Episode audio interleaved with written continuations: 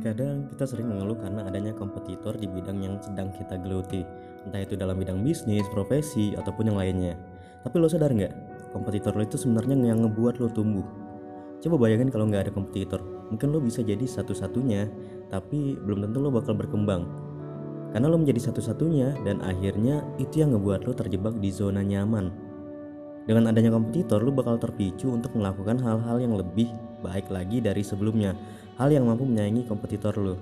Dan ketika lo berhasil mencapai puncak, bukan tidak mungkin lo bakal dapat kompetitor baru. Dan akhirnya lo bersaing lagi, bersaing lagi, dan itu membuat lo menjadi semakin lebih baik lagi. Jadi, jangan takut dengan adanya kompetitor, tapi jadikan kompetitor sebagai motivasi lo untuk berkembang jadi lebih baik.